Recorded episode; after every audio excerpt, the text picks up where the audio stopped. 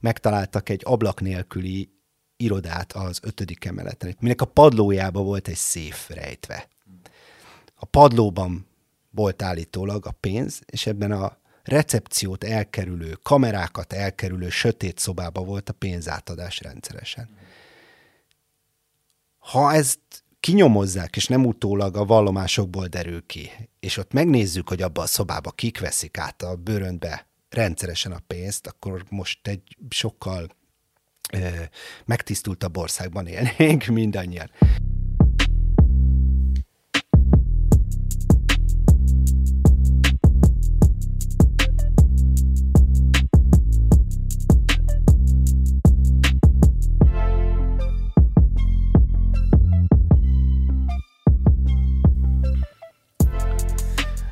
2022 egyik legnagyobb és legfurcsább bejelentése volt, amikor bejelentette a kormány, hogy a 4 nevű állami megrendelésekből felduzzasztott informatikai céggel együtt megkívánják venni a Vodafone Magyarországi lányvállalatát.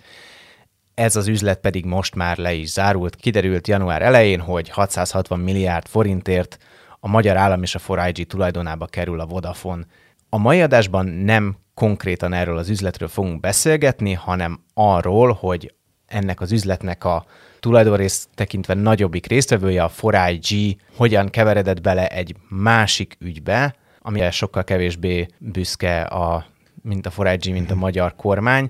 Ez az úgynevezett számlagyár ügy, ami, ami egy elképesztően szerteágazó, a BKV-t takarító cégektől Pintér Sándor üzletársain át egészen ugye a forágyzsig húzódó nagyon furcsa ügy, amiben szexügyészek, gyúrós, kokainista, mafiózók és a magyar politikai életben ismert szereplők is megjelennek, és erről most már lassan könyvméretűvé bővülő sorozatot ír Ács Dániel kollégám, akivel most megpróbáljuk érthetően átbeszélni, hogy miről is szól ez az egész számlagyár történet. Szia, Dani!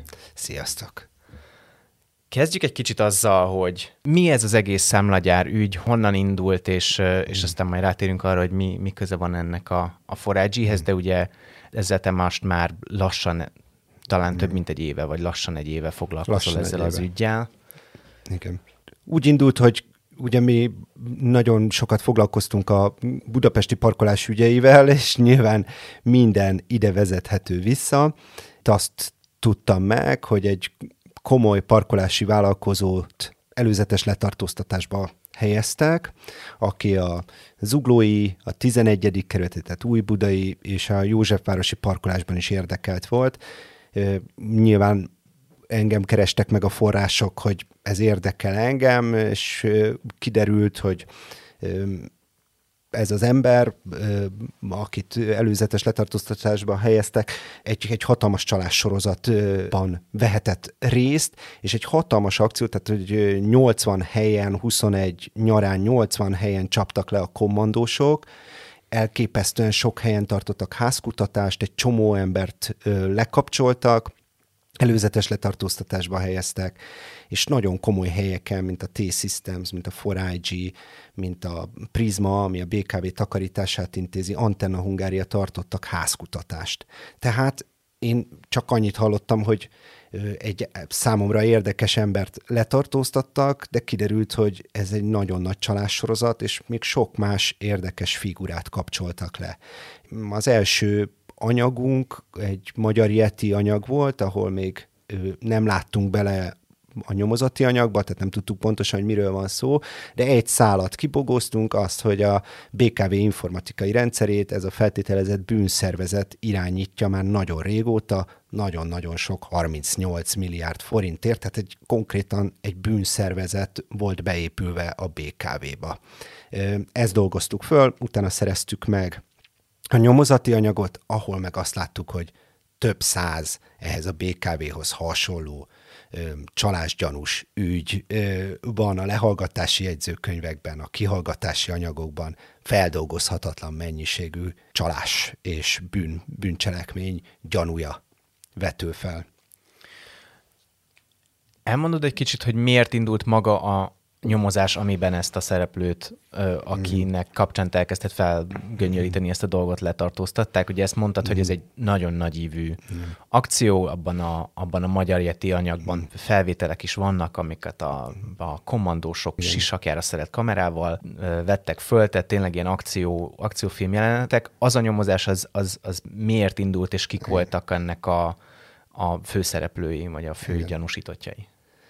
Abszolút, az egy nagyon, hát a NAV kirakott ugye egy felvételt, amit megtaláltunk, és sikerült így összekötnünk azzal, hogy ez valószínűleg, sőt, most már tudjuk, hogy biztosan ennek a 80 helyszínen történt lekapcsolásnak a felvételei, és ott tényleg, mint a Counter-Strike-ba, tehát NAV ajtókat tör be, és fegyverekkel kapcsolnak le nagy darab, kigyúrt, tetovált arcokat, Alapvetően ezt a Győri NAV indította ezt a nyomozást, 19-ben kezdtek el nyomozni, 21-ig nyomoztak, adócsalókat kerestek alapvetően. Tehát, hogy egy céghálózatot hozott létre, ez az úgynevezett számlagyár, a céghálózat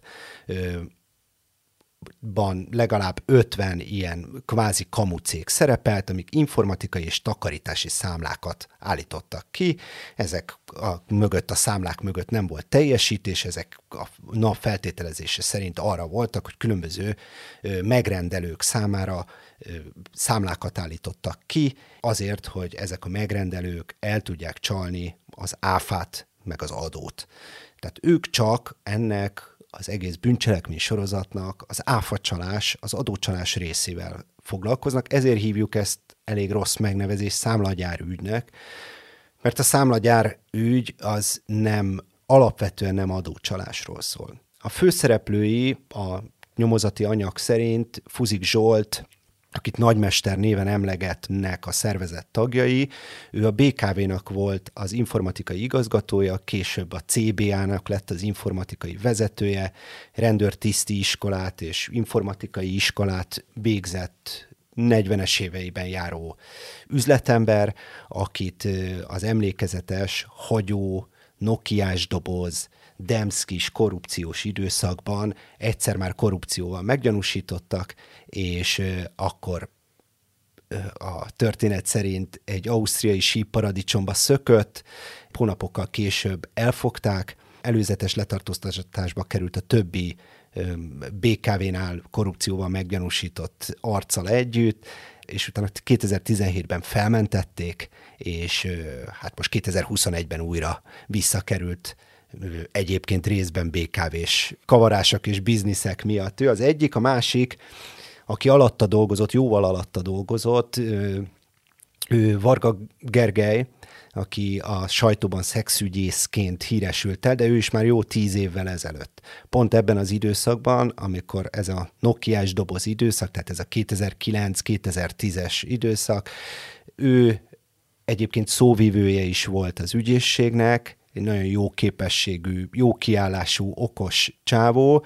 Őt az a gyanúsítják, hogy pénzért és együttlétért cserébe hajlandó volt segíteni a bűncselekményekben meggyanúsított személyeknek, hogy hát, hogy, hogy mondjam, kisebb büntetési tételt javasoljanak számukra a, a bíróságon.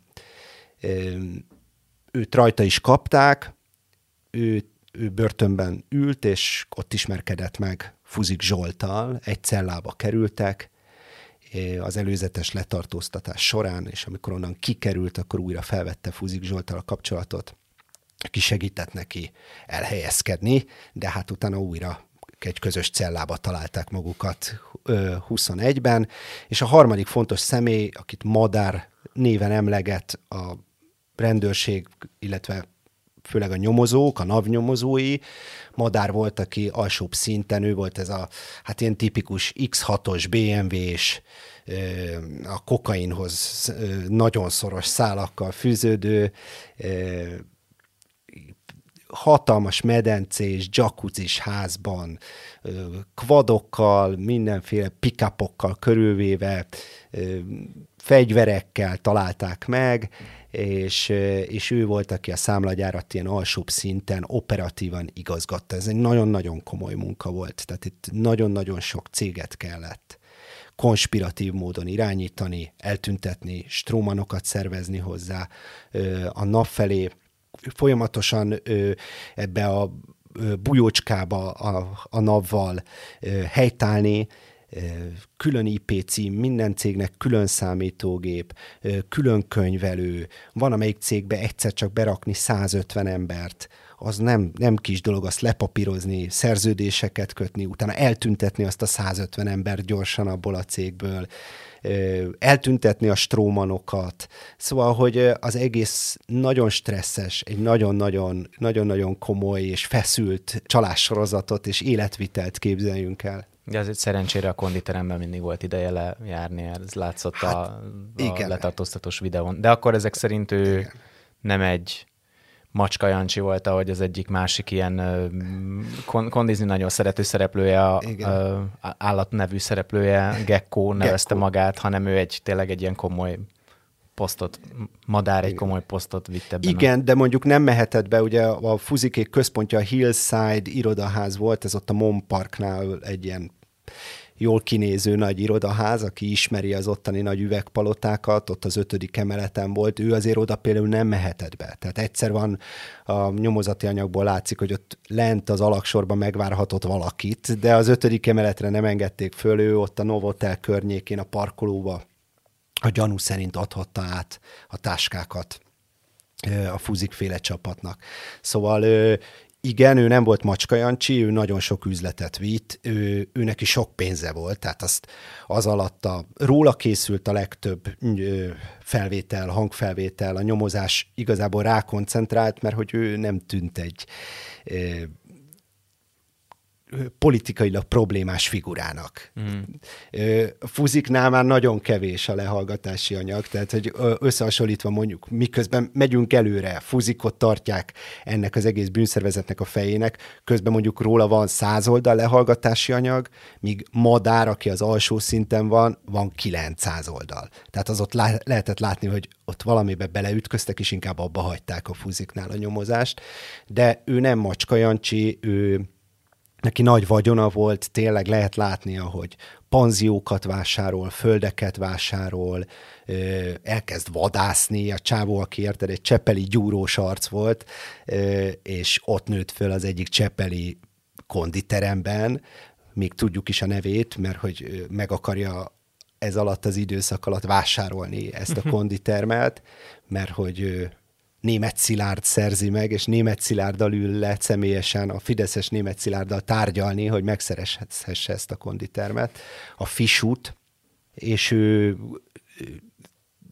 hát ilyen minden, minden eleme érdekes az ő történetének, tehát a, ahogy bemegy és lefizeti a házi orvost, hogy ne kelljen beadni neki a, az oltást, eh, mert azt ahogy beszél a szteroidozásáról, a kokain függőségéről, írdatlan mennyiségű kokaintáról magánál, és ezt transportálja ide-oda a lehallgatási felvételek szerint, meg mérlegeli, szóval, hogy e, e, ennek van egy ilyen szála is. Mondom, a nap csak az áfacsalással foglalkozik, az, hogy itt eszméletlen mennyiségű korrupció, meg kábítószer, meg egyéb is van, de hát van illegális vadászat az életében, de vásárol egyszer csak hangfelvételek alapján egy 8 millió forintos kvadot, amit utána mezőgazdasági gépként könyvel el, és csalja el nyilván annak is az áfáját, tehát, hogy a járművekhez is nagyon vonzódik. Említetted, hogy ugye a Fúzik Zsoltot tartják a nyomozati anyag szerint ennek a bűnszervezetnek a vezetőjének, hogy tényleg, vagy te is úgy látod, vagy úgy tűnik, hogy hogy ő, ő volt ennek, a, ennek az egésznek a, a tetején? Hát ugye az van, hogy ő ezt tagadja.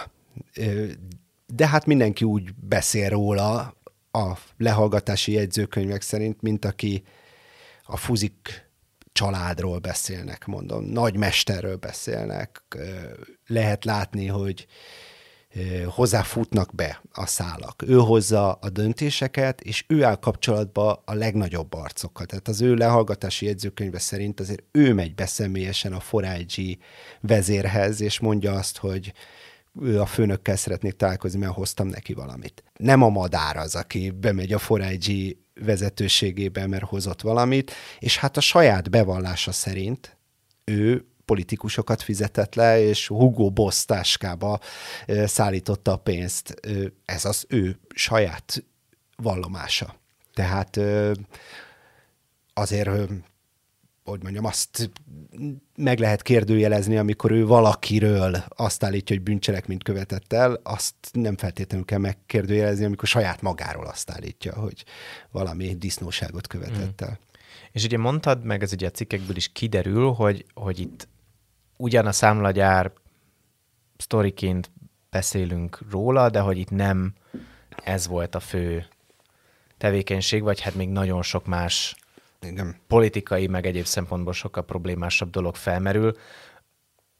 El, el tudod mondani, hogy mik, mik, mik ezek a dolgok, meg hogy Igen. aztán beszéljünk arról, hogy azoknak a szálai merre vezetnek.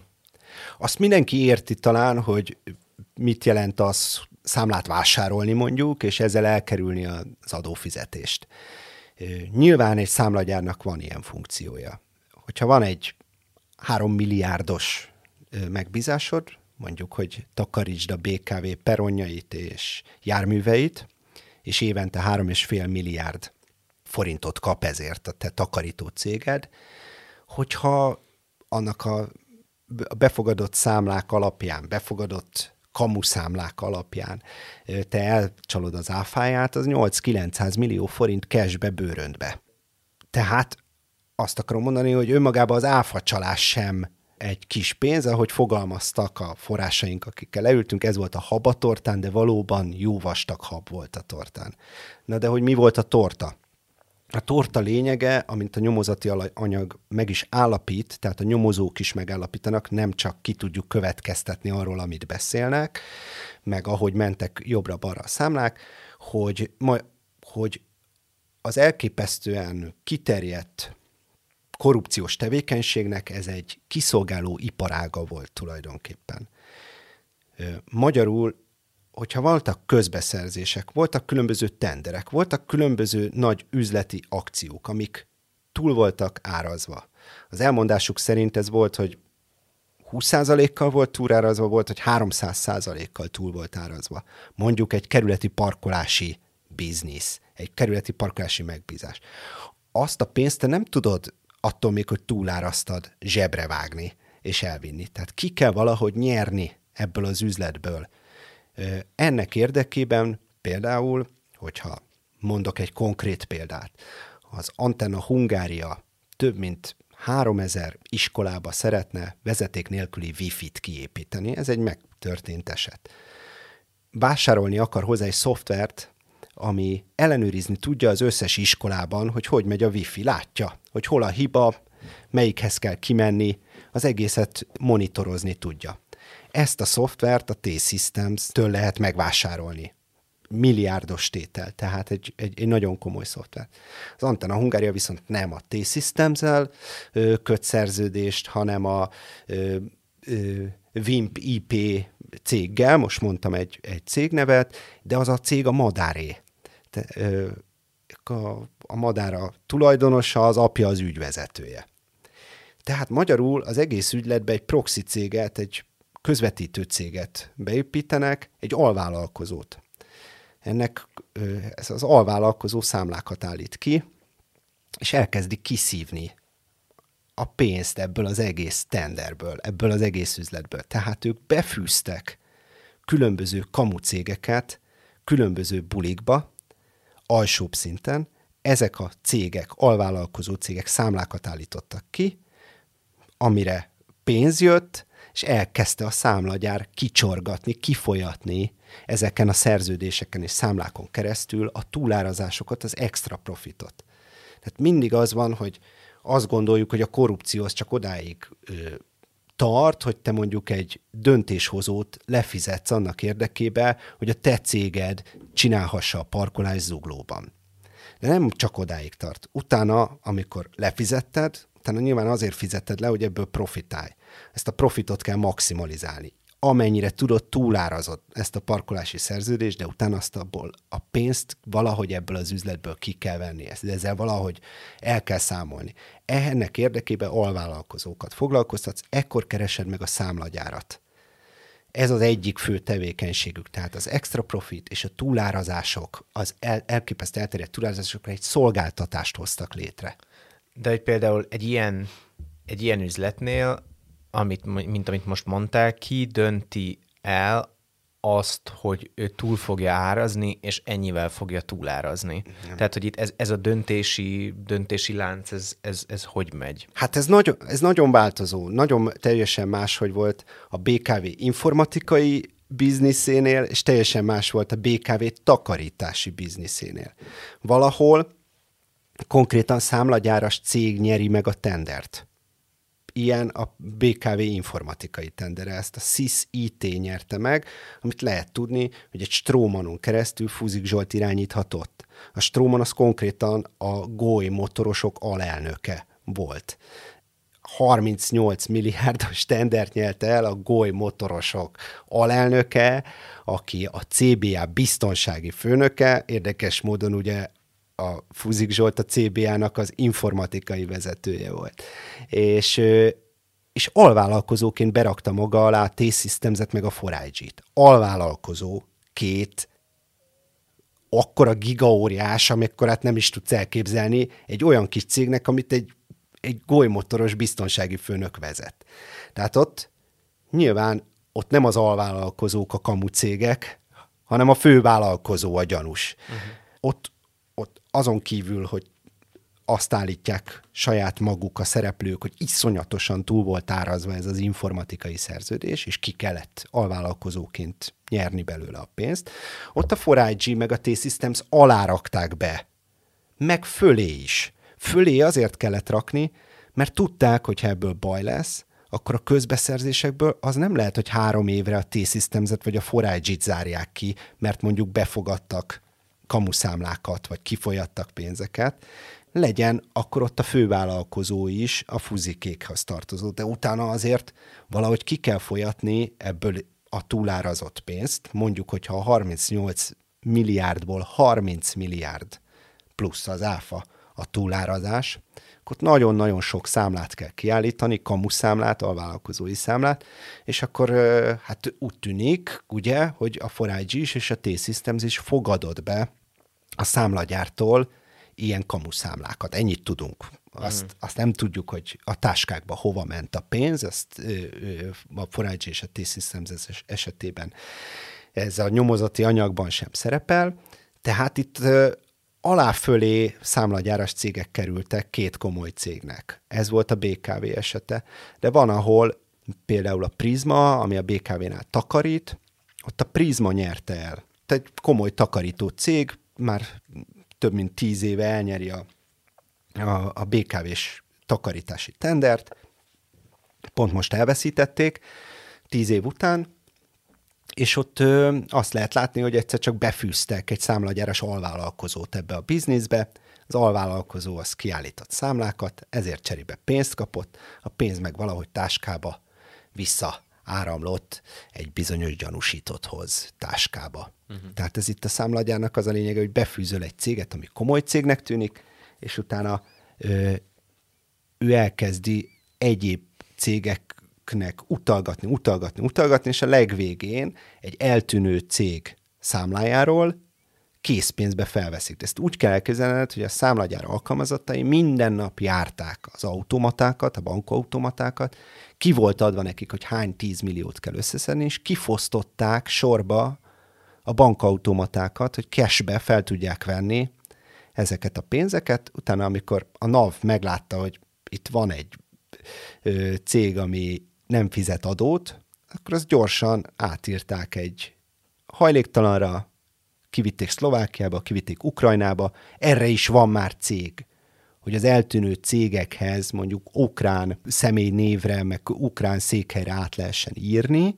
Tehát erre van egy másik cég, egy, ami, amit ilyenkor a számlagyár megbíz, hogy figyelj, el kéne tüntetni, mert ezt már keresi a NAV, és akkor ez az eltűnő cég számlájáról veszik föl a pénzt. És hát még, még ezernyi más modellje volt ennek a csapatnak, tehát, hogy a, tök jó, hogyha akarsz egy állami pályázaton indulni, de le akarod nyúlni ezt a pénzt, akkor tök jól jön egy igazinak látszó cég, aminek vannak alkalmazottai.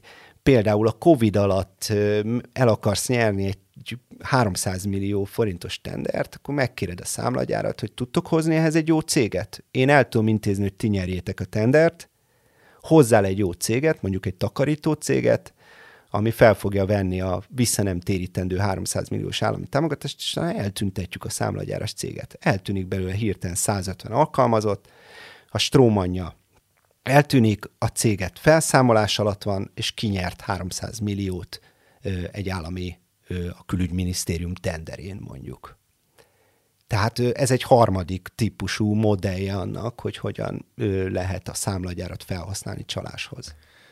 De akkor ebből az jön le, hogy ez lényegében, ahogy mondtad is, egy, egy szolgáltatás, amit, amit ennek a számlagyárnak az üzemeltetője, vagy üzemeltetői kínálnak cégeknek, akik állami pénzeket akarnak lenyúlni, illetve állami szereplőknek, akik ilyen cégekkel akarnak. Nem csak állami, és nem csak önkormányzati, a parkolás az pont önkormányzati, a BKV az pont önkormányzati, az Antenna Hungária az akkor még éppen egy állami cég volt, de mondok egy más, a Forage az nem egy állami cég.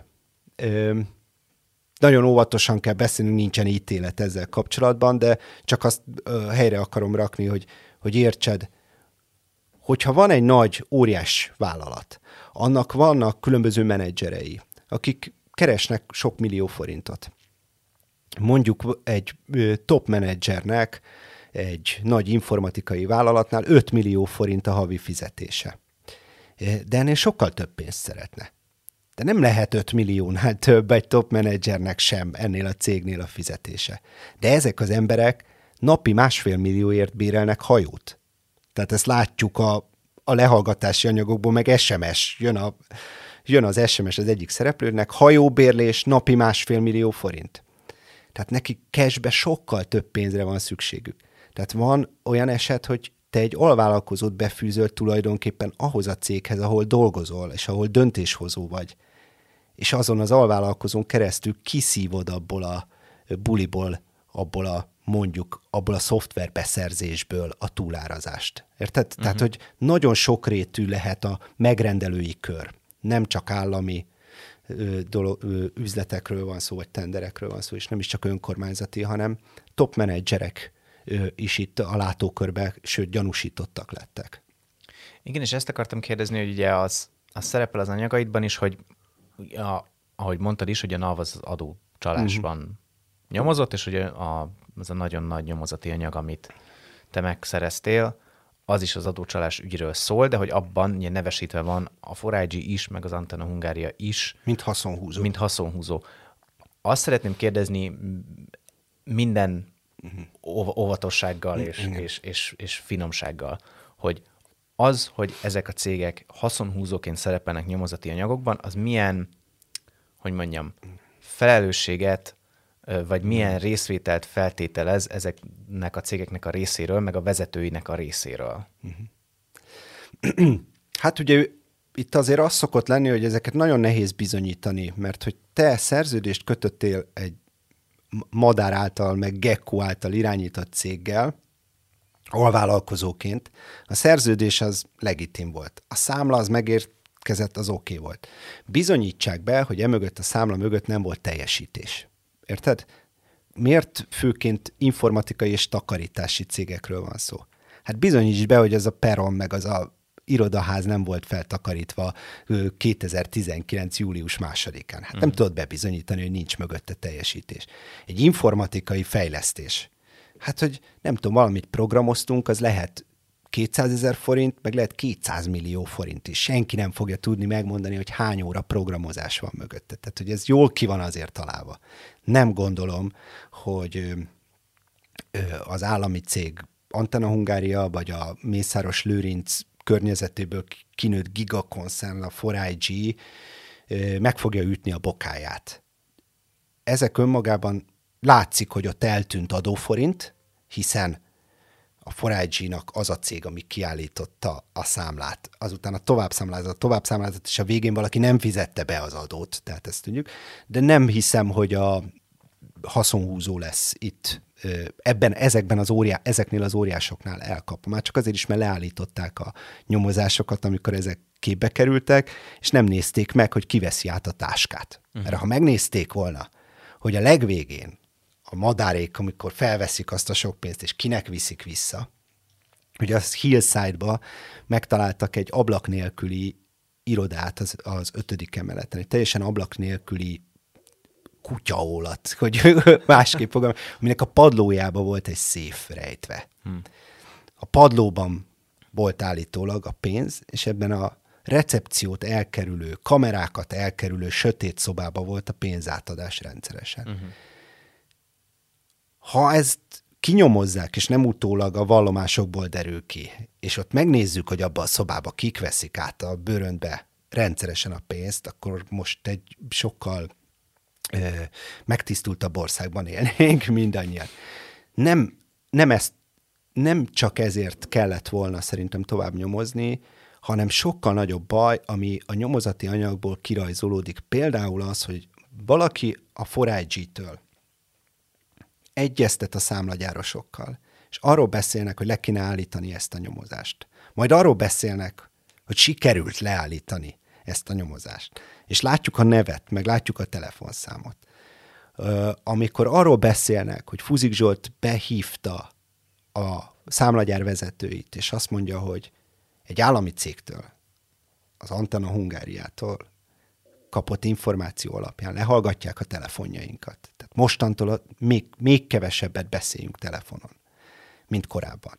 És a telefon, annyira magabiztos az egész társaság, hogy a telefonba, a lehallgatási jegyzőkönyvbe üzennek a navosok nyomozóknak, hogy kapjátok be az összes faszomat és milyen szar a lehallgató készüléketek, és majd átállok az Alcatel telefonomra, azt már nem tudjátok. Hm. és hogy milyen nyomorékok vagytok 21-ben, még úgy hallgattok le, hogy visszahallom a saját beszélgetésemet, és visszajátszátok. És gúnyolódnak a navnyomozóin, annyira magabiztosak. Tehát, hogy nagyobb probléma az, hogy az, akit ennek a szervezetnek a vezetésével gyanúsítanak, az tudhatólag bejárt a legfelső vezetéséhez ezeknek a cégeknek, vitt nekik valamit, tudhatólag kereskedett folyamatosan nagy mennyiségű forágyi részvényel, tudhatólag, láthatólag a forágyi-ből tudták, hogy baj van, és megpróbálták leállítani a nyomozást, ö, legalábbis a lehallgatási jegyzőkönyv erről Amint, tanúskodik. Ez, akar, ezt kicsit pontosítsuk, mert ez szerintem nagyon érdekes részlet, hogy a, a forágyi-ból valaki, egy vezető, vagy vala, valaki, valaki, valaki igen. ember felhívta a Fuzik Zsoltot, és ő mondta neki... Nem a Fuziknak az egyik emberét. A Fuziknak az egyik emberét, és ő mondta neki, hogy van ez a nyomozás. Igen, és csináljatok valamit, meg mi is mindent megmozgatunk. De hogy a fuzikék próbálják meg ők leállítani is a nyomozást. Pontosan Tehát, erről, próbáljanak meg valakire van. politikai nyomást gyakorolni, hogy ennek legyen vége. Szimatot fogtak, kurva nagy gáz van, olyanokat kérdeznek, amiből lehet tudni, hogy tudnak valamit, olyan cégekre kérdeznek rá, amiből lehet tudni, hogy van valami, pánik van, mi is megpróbálunk mindent megcsinálni, próbáljátok meg ti is leállítani őket, mozgassatok meg minden szálat, mert ez most már, ő, ezek itt most már szagot fogtak. De ez, Ezt így mondják. ez, ez egy, ez egy az... telefonbeszélgetésnek a ö, jegyzőkönyve. Igen. De ez is ugye magában azt jelzi, hogy mindenfél ebben a Igen. beszélgetésben tudja, hogy a másiknak olyan kapcsolatai vannak, hogy el tudja érni, hogy leállítsanak egy napnyomozást. Hát ugyan ezek hogy... utána újra beszélgetnek, és azt mondják, Igen. hogy valaki, aki nagyon erős volt, odaszólt. Igen. És leálltak. Igen, mert gondolom amúgy a, a sima Csepeli gyúros adócsaló Igen ról nem feltételezi senki, hogy le tud állítani egy napnyomozást. Nem, nem. Ő legmagasabban, mondom, a német szilárdat tudott Igen. nagy nehezen egy összehozni egyébként megbeszélést, az is nagyon érdekes volt, annak is megírtuk, hogy a, a német szilárd ebbe hogy keveredett bele, és hogy tartotta ezekkel a kapcsolatot, és kit kellett lefizetni annak érdekében, hogy a német Szilárddal le tudja egy üzleti tárgyaláshoz ülni, beszélgetni, mert az is kiderül a nyomozati anyagból, hogy ki mennyi pénzt kért azért, hogy összehozzon egy ilyen találkozót német Szilárddal. De pont ez a lényeg, amit te is mondtál, hogy ezek a navosok látják, hogy vannak ilyen sötét kisfalvakba bejegyzett cégtemetők, elkezdenek utána nézni, hogy nem fizették be az adót, elkezdik felgöngyölíteni, hogy na ezek kinek számláztak, és mennek följebb, egyre följebb, és egyszer csak megjelennek nagyon komoly szereplők egy ilyen ügyben. De ők alapvetően ezeket a madár meg gecko, gyúrós, X6-os, kokózós arcokat akarták lekapcsolni, számlagyárakat felszámolni, és nem gondolták, hogy ilyen ö, trutyiba fognak belenyúlni. Ö, én ezt gondolom. Beszéljünk egy kicsit arról, hogy mit lehet tudni, hogy meddig értek el ezek a szálak, mert ugye te is mondtad, hogy a, hogy a Fuzik bevallotta, hogy ő politikusokat fizetett le, meg hogy ugye ami érdekes szála ennek a történetnek, vagy aspektusa az az, hogy ugye ebből egyrészt nem nagyon lett országos botrány, olyan, mint ami amúgy sokkal kisebb korrupciós ügyekből lett, és ami pedig volt, az inkább a kormánypárti médiában, de az is csak nagyon óvatosan. Igen. Be, erről, Igen. erről beszéljünk Igen. egy kicsit, hogy itt meddig, mit, mit lehet tudni, vagy mi, mi az, ameddig, Igen. ameddig Igen. el lehetett menni ebben a dologban. Igen. Hát mély csönd van az egész ügy körül. Akikkel beszéltünk, azok magukat gyanúsítottak, és azt mondják, hogy nem hallottak, a, kiengedtek már mindenkit.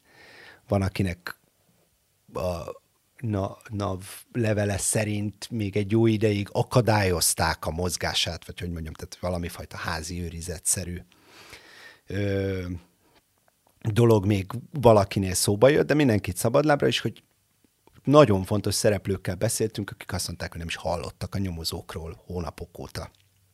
Senki nincs már Senki, senki. Amit ki tudunk következtetni, hogy a Fuzik ö, rögtön az elején ö, azt mondta, hogy oké, okay, akkor ő, mivel ezt a NAV intézi ezt a nyomozást, ő most az ügyészséghez szeretne fordulnia, fordulni, és ö, szeretne vallani. És tehát ez egy másik hatóságnál egy másik ügy, amikor ő vallomást tett azzal kapcsolatban, hogy Molnár Zsoltot, Baja Ferencet, Tóth Csabát, talán még volt, volt valaki szocialista politikus, akiket ő megkent.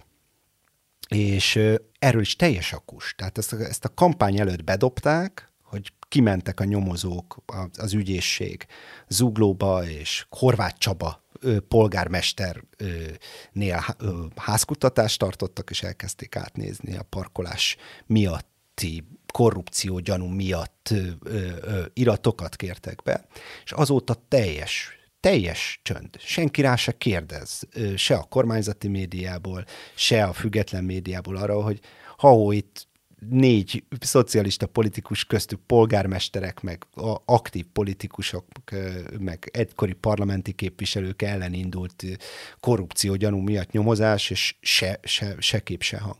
Szóval, hogy ez egy másik bűnügy elvileg, ö, uh-huh. vagy hogy mondjam, másik eljárás, mert ugye a NAV nem foglalkozik korrupcióval.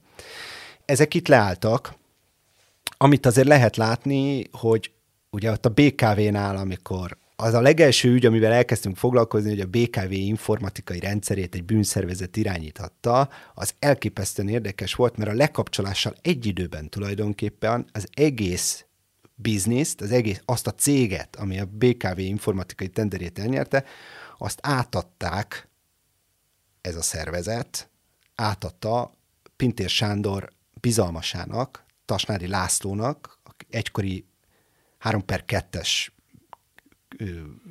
tisztnek, belügyi államtitkárnak, aki most tulajdonolja ezt a céget. Tehát a, Ez az a SIS. SIS IT Igen. nevezetű ami egyébként a Synergolnak, tehát egy ilyen emlékezetes, ennek a Nokia-s dobozzal kapcsolatos cégnek ez egy utód cége. És utána ugyanezek az arcok a lehallgatási jegyzőkönyv szerint létrehoztak egy új céget, ezt az egész szerződést áttették az SIS Network, ez tipikus számlagyáras történet, egy cég besározódik, baj lesz vele, zűrbe kerül, gyorsan létrehoznak egy másikat, átteszik bele az ügyet. És a BKV-nál ugyanúgy megy tovább minden, 38 milliárd, SIS Network, Tasnádi László a tulajdonos, alvállalkozók, T-Systems, 4IG. Hmm. Tehát a, hogy mondjam, nem sokat változott ez a helyzet, és azt látjuk, hogy Fúzik nem csak a Forágyi vezetésével, hanem ezzel a Tasnádi László egykori belügyi államtitkára is tartotta a kapcsolatot, és mondom, az egész biznisz átkerült hozzá Tasnádi Lászlóhoz, de Tasnádi László már előtte is benne volt ebben az üzletben csak résztulajdonosként benne volt a CCT-ben. Szóval nem akarom sok cégnévvel itt bonyolítani, a, meg, meg elaltatni a nézőt, de, de a lényeg az, hogy itt is ezt ilyen elsikálták ezt a történetet a BKV-nál. Most ugye felvázoltuk, hogy itt a BKV takarítással kapcsolatban is vannak problémák, hát kijött a cikk, és, és, semmilyen reakció nem érkezett rá. Azt lehet tudni, hogy a karácsonyék akkor, amikor ezt elkezdtük abajgatni, akkor valami fajta vizsgálatot, belső vizsgálatot indítottak. De nekünk levélben azt válaszolták, hogy itt semmiféle CCT nincsen már, ez most már a SIS Network irányítja ezt a dolgot, és a SIS Network az nem fogadott be a számlagyártól semmilyen ö, kamuszámlát. Mert hát azt ugyanezek az arcok létrehozták, és az, az, az, még, az még tiszta cég volt. Aha. Szóval én úgy látom, hogy mivel itt minden oldalról vannak érintettek, igen, nagyon érdekes, hogy a Fúzik a választások előtt úgy döntött, hogy baloldali politikusokat fog be, be, bedobni, és arra utalt a nyomozati anyag szerint, hogy egyfajta vádalkut akar kötni. Nem, én nem tudom, hogy milyen vádalkú intézmény létezik Magyarországon, nincs nagyon ilyen amerikai típusú vádalkú intézmény, de hogy ő erre utal, hogy ő azért fordul az ügyészséghez, hogy ott akkor ő bedob neveket, és akkor cserébe ő valahogy tehát e- erre van a nyomozati anyagban utalás. De hát nincs minden rendben azzal kapcsolatban, hogy itt csak szocialista képviselők vagy politikusok lettek meggyanúsítva. Ez azért is van, mert hogy van az, hogy ők ahhoz, hogy ő azt állítja, hogy azért kellett ezeket a szocikat megkenni, hogy elnyerjék például a BKV-nál az informatikai bizniszt. Na de hát Tarlósi István volt a polgármester ebben az időszakban, amikor elnyerték. Tehát elhiszem, hogy megkentek szocialista politikusokat azért, hogy tarlós alatt elnyerjenek egy ilyen üzletet, de hogy csak szocialistákkal kellett, kellett ebben az ügyben egyezkedni, azon csodálkozom. Másik dolog, hogy azért, hogy a zuglói parkolást elnyerjék, állításuk szerint szocialista politikusokat kapcsoltak le. Oké, okay, akkoriban ebben az időszakban Karácsony Gergely irányította az uglót. Csak az a baj a történettel, hogy a Fidesz és a szocik egybehangzóan szavazták meg ezt a parkolási tendert. Miért szavaznak meg a fideszes politikusok egy tendert, hogyha csak a szocik vannak lefizetve? Ugyanez a fuzik féle SIS Parking ugyanúgy elnyerte Új Budának is a parkolási szerződését, ott is eltűnt minden bevétel.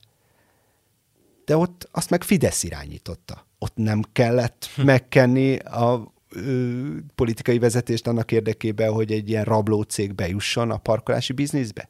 Józsefvárosba. Ott Fidesz irányítása alatt jutott be a SZISZ a parkolási bizniszbe. Még talán Kocsis Máté idejében. Azt hiszem, azt hiszem még Kocsis Máté idejében, igen. Ö, ott, ott egyszerűen jött egy teljesen új létrehozott cég, aminek semmilyen parkolási múltja nincsen. Hirtelen azt mondták, gyertek persze egy olyan bizniszbe, amiről lehet tudni, hogy évtizedek óta nagyon komoly szereplők uralják, nem lehet csak úgy bejutni politikával és mindennel nagyon átszőtt bizniszbe. Jön egy Puzik Zsolték által Stromanokon keresztül létrehozott cég, és hirtelen elnyeri a parkolási bizniszt. Szóval, hogy miért csak ö, szocik vannak ö, meggyanúsítva korrupcióval, miközben a tenderek jó része, hát hogy mondjam, sokkal inkább ö, más politikai szereplőkhöz köthető.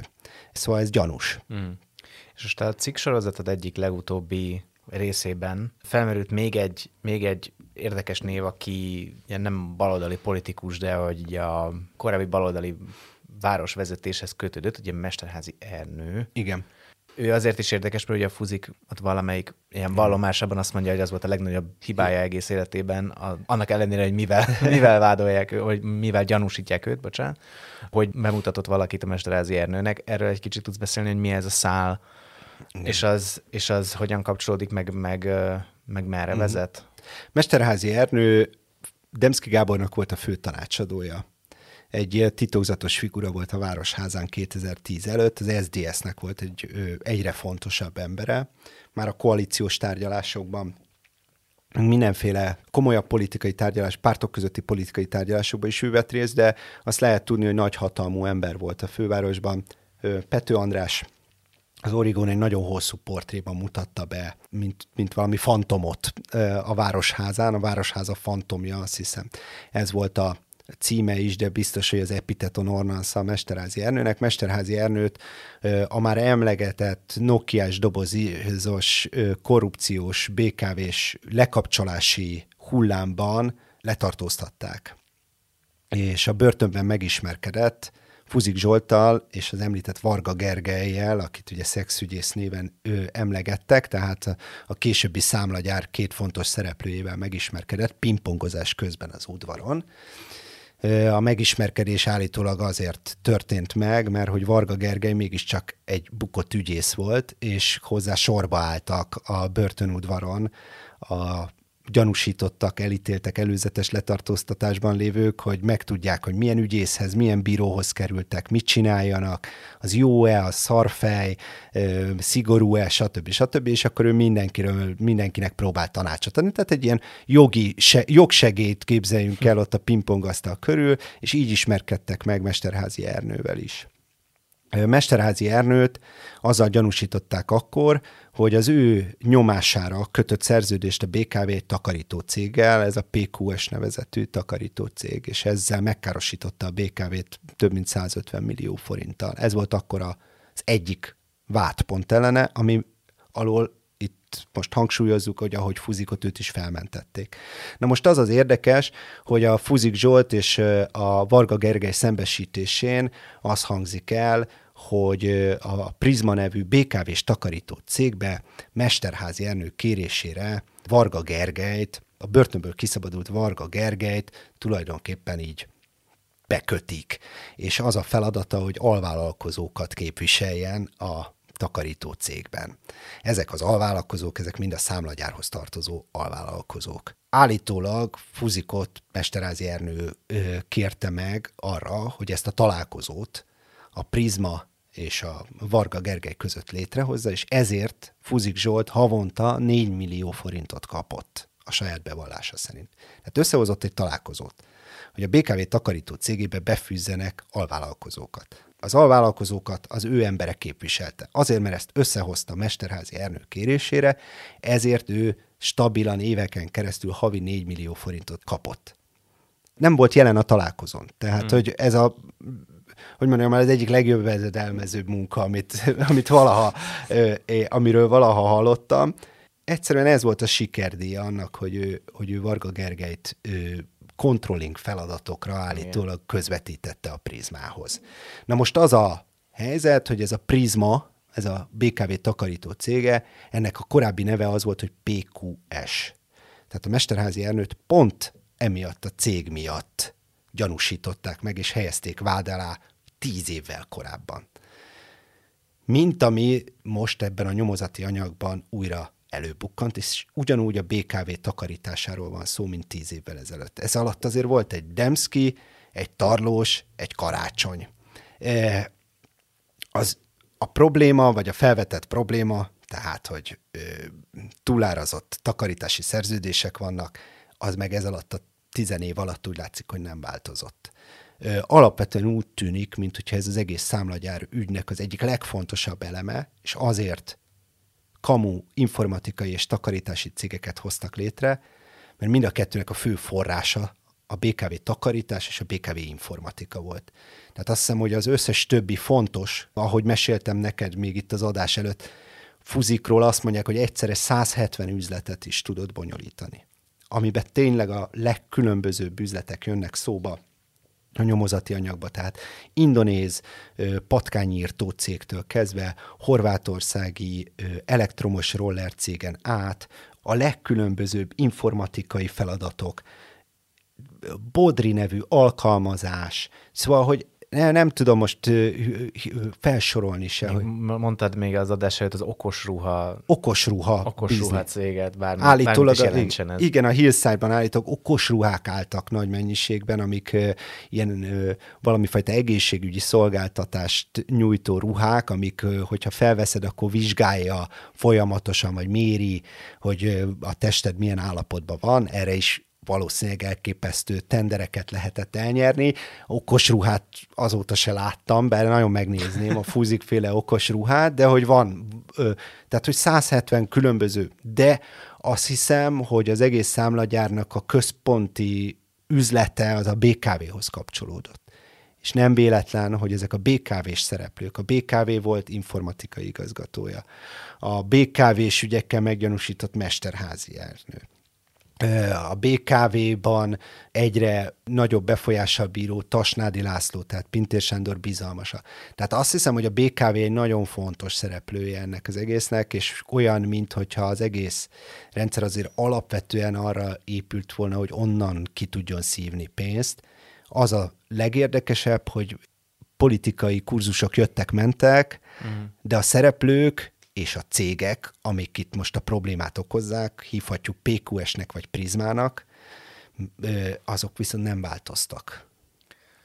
Beszéljünk akkor végül egy kicsit arról, hogy, hogy akkor mi, mi várható, meg milyen hatása lehet egy ilyen ügynek. Ugye mondtad, hmm. hogy egyelőre a nyomozásról a választások óta teljes kús van, és hogy nem hmm. volt vádemelés, és hmm. hogy mindenkit kiengedtek, de még hmm. elvileg zajlik egy nyomozás, és akár Igen. lehet ebből vádemelés. Mm. Azt is mondtad, hogy, hogy ugye itt az emlegetett ilyen BKV-hoz kötődő cégek, hogy ez az informatikai cég az most elvileg egy ilyen tiszta cég, amit csinálja, Igen. bár ugye Igen. ugyanazok az emberek hozták létre, Igen. és a Prisma meg most éppen kiesett a Pixisből, Igen. a takarító Pixisből.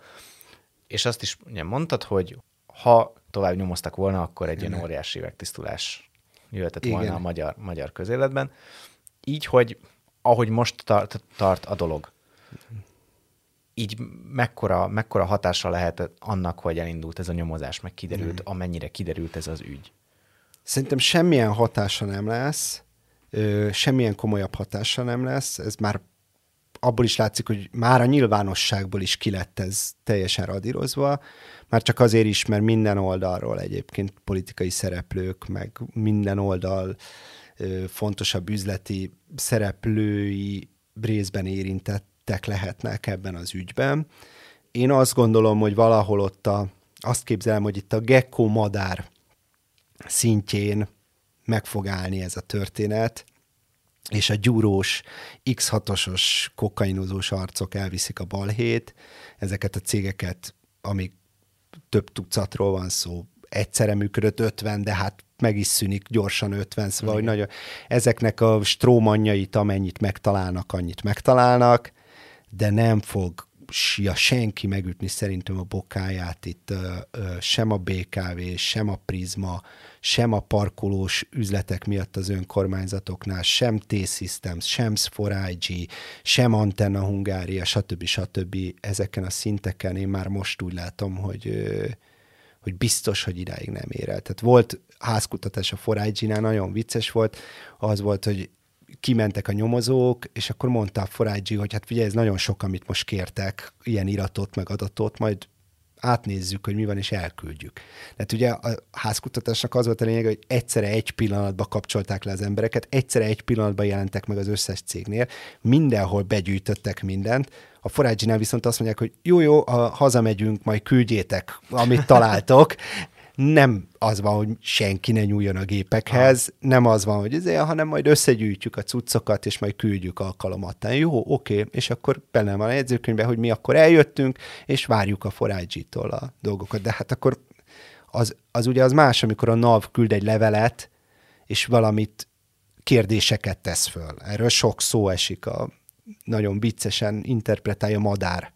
Küldött a NAV levelet, hogy mióta vagyunk ratyik, hányan vagyunk ratyik, gumival csináljuk, gumi nélkül, ez szokásos, tudod. Szóval, hogy kb. így beszélik meg, amikor a NAV-tól jön egy, egy, egy levél azzal kapcsolatban, hogy kérd... de itt nem kérdésekről van szó. Mm. Itt házkutatás van, ott le kéne foglalni dolgokat. Ez egy hatósági intézkedés, tehát hogy erről jegyzőkönyv, nyomozók jelenlétébe, és ők mondják azt, hogy jó, hát hogyha ez olyan sok, meg bonyolult, akkor inkább hagyjuk. Szóval én már ott azt láttam, hogy, vagy abból, de nem csak ebből, hanem mondom, hogy egy előrébb, egyre előrébb jut a dolog, és egyre kevesebb a nyomozat és lehallgatási jegyzőkönyv. Tehát hogy lehet az, hogy az alsó szinten ezer oldal a lehallgatás, és több hónapig tart, egyre feljebb jutunk, és egyre kevesebb a lehallgatási anyag.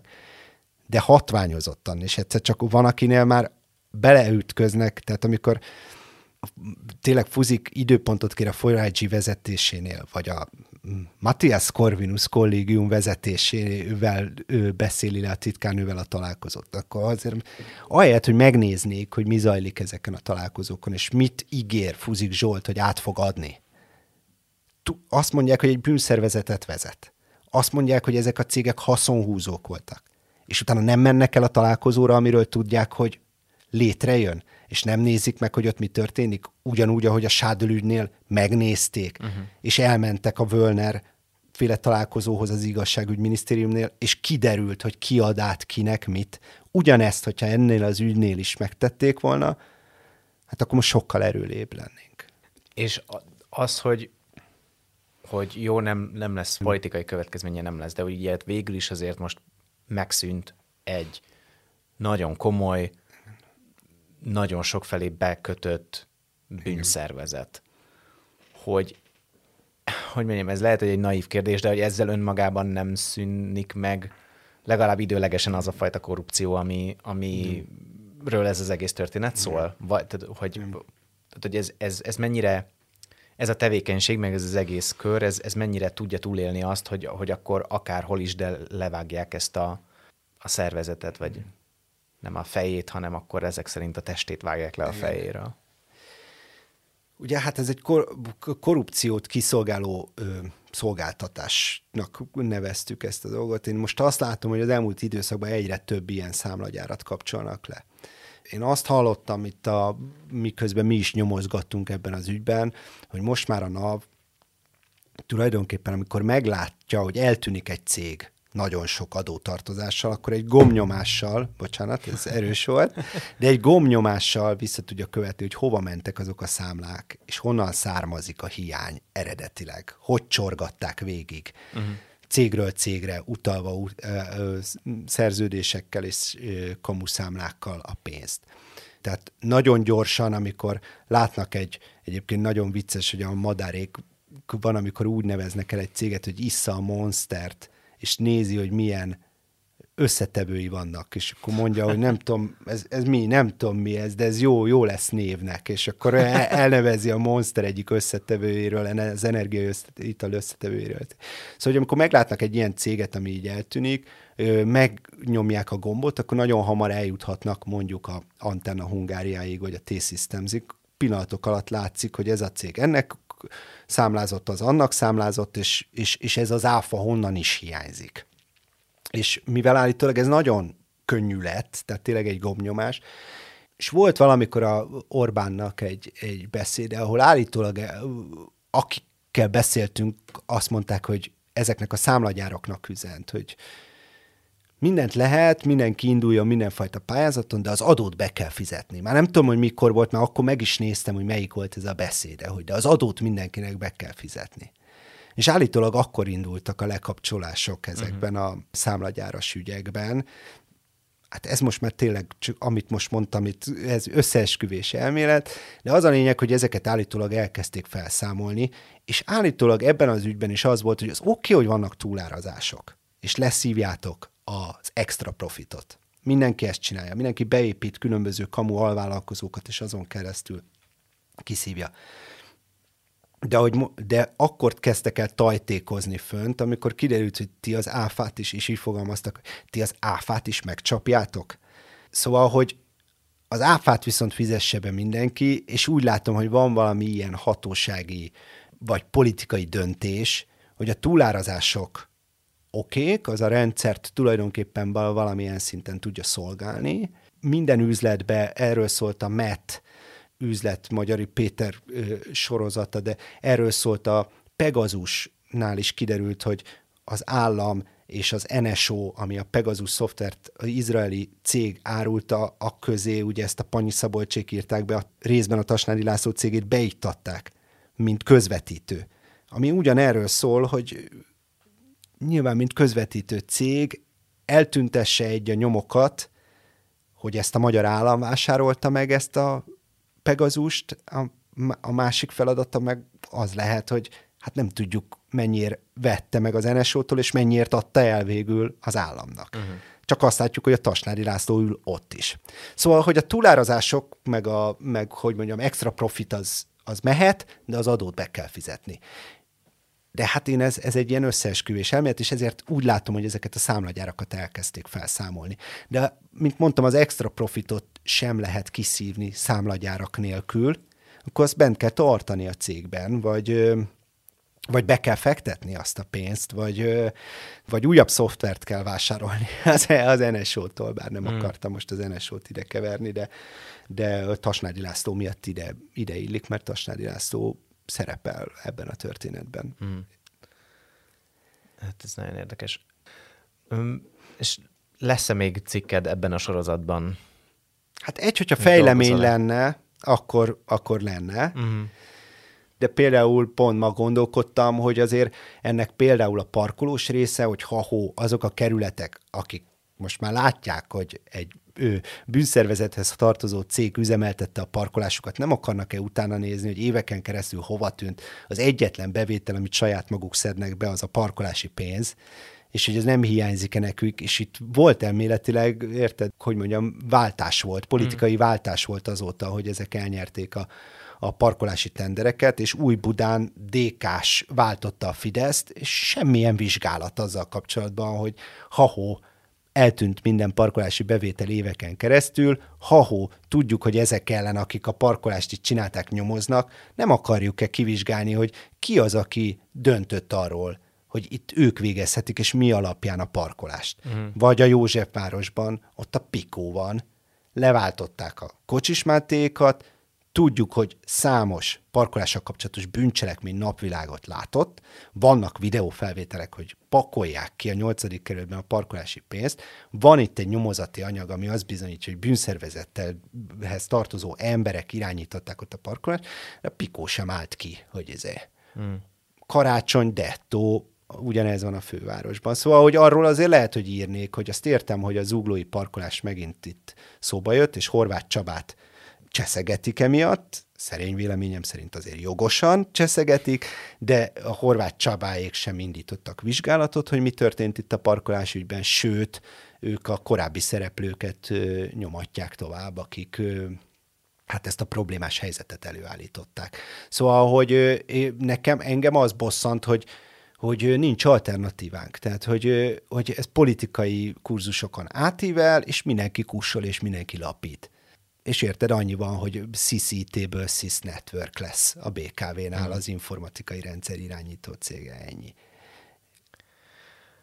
Hát Esdeni, nagyon szépen köszönöm, hogy bejött és, és átbeszéltük ezt a tényleg nagyon-nagyon szerte ágazó témát, és akkor reméljük, hogy majd még, még olvashatjuk erről a cikkeidet. Mindenkinek nagyon ajánlom a már megjelent cikksorozatodat, meg, meg a, a Magyar Yeti ezzel foglalkozó adásait, ezeket megtalálják a hallgatók a 444 oldalán, és azt javaslom, kedves hallgatók, hogy olvassátok el ezeket a cikkeket, meg minden más cikkünket, megnézzétek a videóinkat, és hallgassátok a podcastjainkat, és lépjetek be a körbe. Sziasztok! Sziasztok!